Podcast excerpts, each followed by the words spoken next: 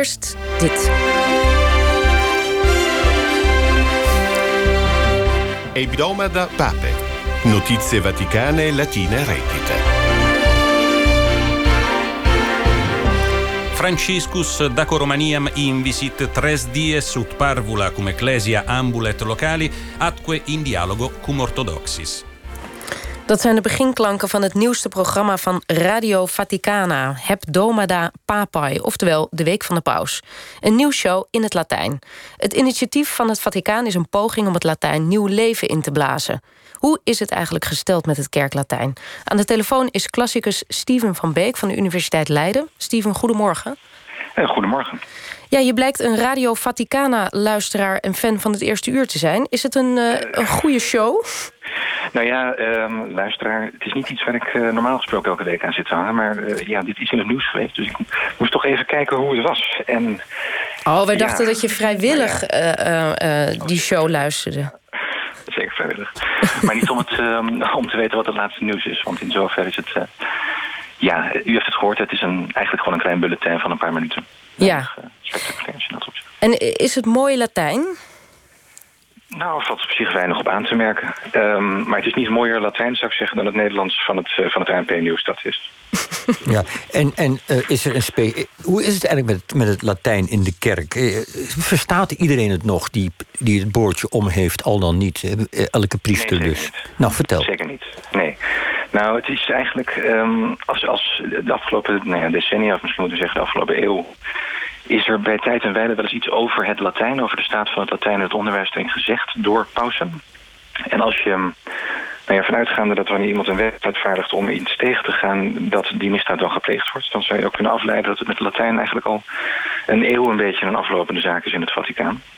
En zeker de laatste halve eeuw kun je wel zeggen dat uh, nou, zowel actieve als passieve beheersing daarvan rap achteruit gegaan is. Ja. Maar als dus de paus in het Latijn de, een kerkvergadering toespreekt... dan bestaat het risico dat er een aantal prelaten het niet begrijpen? Of is, gaat dat te ver? Het is uh, meer, een, meer een zekerheid dan een risico, ja.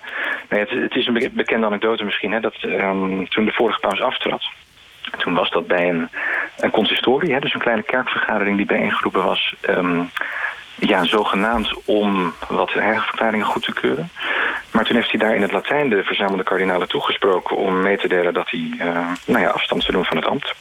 En het lijkt erop dat toch dat bij een um, groot deel van de aanwezigen... Um, maar heel langzaam binnengedruppeld is, dat inzicht. Die, die verlieten de vergadering en wisten niet dat de paus had aangekondigd dat... Nou, na de Latijnse toespraak heeft de, de, de deken van het kardinaalscollege... nog eens in het Italiaans de paus bedankt voor zijn diensten en dat soort dingen. En ik geloof dat toen iedereen wel doorkreeg dat er iets geks gebeurd was. Maar als ze volledig op hun kennis van het Latijn hadden moeten vertrouwen... dan had het wat langer kunnen duren, denk ik. Ja. Maar is dit nu de eerste poging om echt een revival weer van het Latijn te creëren? Of hoe lang zijn ze daar al mee bezig? Ja, nou ja, wat ik, wat ik net zei... Um, in de jaren... Um, 60 eigenlijk en 70. Laten we zeggen in dezelfde tijd dat hij dat actieve gebruik van het Latijn um, in, in rap tempo achteruit ging. Hè. Dus de, nou ja, de, de, liturgie werd in de volkstalen gevierd steeds vaker. Um, in diezelfde tijd zie je dat de paus proberen dat Latijn een beetje in leven te houden... door bijvoorbeeld instituten op te richten die de studie van het Latijn moeten bevorderen. En dat soort dingen. Uh, maar om nou te zeggen dat het heel veel effect geboekt heeft, dat, uh, dat zou ik niet durven zeggen. Nee. Maar ze doen nu wel dus... ook een beetje wanhopige pogingen. Hè? De Vaticaanse communicatiedienst die zegt ook dat ze allerlei nieuwe Latijnse woorden hebben moeten verzinnen, zoals influencer en zelfmoordterrorist.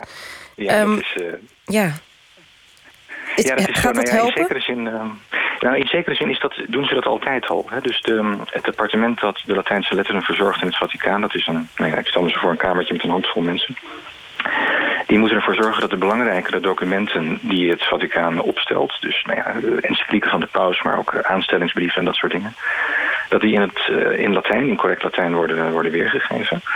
Maar zeker bij de, nou ja, de, de grotere documenten van de, van, de, ja, van, de, van de paus van de laatste jaren... waar veel ja, economische en sociale kwesties in aan bod komen ja, dan heb je het ook te stellen met de terminologie daarin. En ja, dan moet er een, iets verzonnen worden in het Latijn dat dat kan weergeven. En dat betekent dat ze continu eigenlijk um, voor, voor um, ja, nieuwe problemen gesteld komen. En dat er gaandeweg een, een repertoire opgebouwd wordt van dat soort nieuwe termen. Ja. Dus dat zijn ze niet nu specifiek voor dit nieuwsbulletin aan het doen. Ja, dat speelt dat al is eigenlijk een van, de, een van de hoofdtaken, zou ik zeggen. Ja, dat speelt al een tijd dat, dat dat Latijn steeds moet worden geactualiseerd en aangepast aan de nieuwe woordenschat van de nieuwe tijd. Eh, Toevallig is blijven zitten Jan van der Putten, uh, Latijns-Amerika kennen, China kennen. Eigenlijk is alles, is er niets wat Jan niet weet, min of meer. En Jan heeft ook heel veel verstand van het Latijn en kerklatijn. Jan, jij hebt ook zelfs een, een, een soort woordenboek bij je, van een nieuw soort Latijnse woorden. Vertel eens wat. wat, wat Latijn, Grieks en Hebreeuws gestudeerd. Ja, nee, daarom. Dus die kerk worstelt daar aan de tijd mee. Kun je een paar voorbeelden noemen van nieuwe woorden die ze, die ze, die ze verzinnen in het Latijn om bij de tijd te zijn? Ja, ik heb daarvoor een, een interview uh, gehad met een monsigneur. In 1992 was dat. Toen was ik correspondent in Rome, dus ook in het Vaticaan. Uh, over het, uh, het eerste deel van Lexicon Recentis Latinitatis... oftewel het lexicon van het nieuw Latijn, van de nieuwe Latijnsheid, letterlijk. Uh, waarin inderdaad een hele hoop uh, nieuwe, nieuwe woorden staan. Ik heb er toen ook een stuk over gemaakt, ik was het een beetje vergeten... uit 1992. En daarin staat bijvoorbeeld het woord bikinis... vesticula balnearias, balnearis bikiniana de blue jeans. Vrij lang. Ja, ja ga, ga eens door. Noem nog een paar uh, voorbeelden. Brace lintie ceruleae. Het cerulia betekent uh, blauw. Aftershave. Linimento confecte rasure. Nou ja, een hele hoop van dat soort, dat soort woorden. Uh, het laatste wat je noemde, wat betekende dat? Aftershave. Oké. Dus ja. oh, dat ging nog door. Linimentum confecte rasure. Um, het opvallende eigenlijk is van die nieuwe woorden... dat het vaak niet één woord is, maar een omschrijving. Hè? Want ja, precies. echt het juiste woord is niet te vinden. Ja, want, want uh, Steven, jij zegt ja, precies. Ze hebben er dus wel moeite mee. Hè? Ze moeten dus veel... Ze hebben veel ja. Het worden dikke boeken. Dikke woordenboeken dus. Ja, het worden, ja, die boeken worden inderdaad dik. Mede omdat het, het Latijn eigenlijk niet zo'n geschikte taal is... om, om nieuwe samenstellingen in te vormen. Hè? Dus wat in het Nederlands en het Duits um, en in het, nee, het, het, het Oud-Grieks bijvoorbeeld wel makkelijk is, maar in het Engels niet, hè, waar samenstellingen met, met spaties worden opgesteld. Zo krijg je in, die, in dat Latijn, als ze proberen een, een, een nieuw begrip uh, begrijpelijk vorm te geven, niet zozeer een nieuw woord als wel een omschrijving van dat fenomeen. En die, die worden vaak tamelijk omslachtig. Ja. Als, als we nou uh, afrondend ons de vraag stellen, dreigt het risico dat het Latijn als kerk taal verdwijnt en dat het Italiaans daarvoor in de plaats komt. Als dat risico dreigt, is dat er en zouden we ons daar zorgen over moeten maken? Allebei graag even. Nou, uh, ja. ja, Steven, zeg het maar. Oh ja, um, nou ja, het hangt er een beetje vanaf wat we bedoelen met, met kerktaal. Hè. Dus uh, in het Vaticaan zelf is mijn impressie dat de meeste dagelijkse arbeid inderdaad in het Vaticaan uh, um, in het Italiaans ge, gepleegd wordt. Dat dat de, de lingua franca is, laten we zeggen, al daar. Um, dat het helemaal verdwijnt lijkt me, lijkt me sterk gewoon door de, het, het, magnetisme van die traditie zelf. Um, het is een conservatief instituut natuurlijk, dus ja, om dit nou helemaal uh, weg te gooien, dat lijkt me onwaarschijnlijk. Um, het komt bij dat er, dat er van een zeker verantwoordelijkheidsgevoel af en toe lijkt op te borrelen uh, daar ter stede. Uh, Johannes Paulus II heeft een keer gezegd dat de kerk een, soort, een soort verplichting heeft ten opzichte van het Latijn. Hè, als, als de, de drager van die erfenis. En ja, dit soort kleine initiatieven zijn, uh, ja, zou je kunnen zien als een soort poging om die verplichting uh, na te leven. Ja, als Jan, er niet voor kwam, Jan van der Putten, ja, wordt vaak, vaak wordt er een beetje lacherig gedaan over Latijn. Het is natuurlijk ook vaak ontzettend, geestig. Maar uh, dat is me daar ook opgevallen. Als je daar met die mensen praat, vinden ze het eigenlijk helemaal niet geestig. Er is een tijdschrift, Latinitas.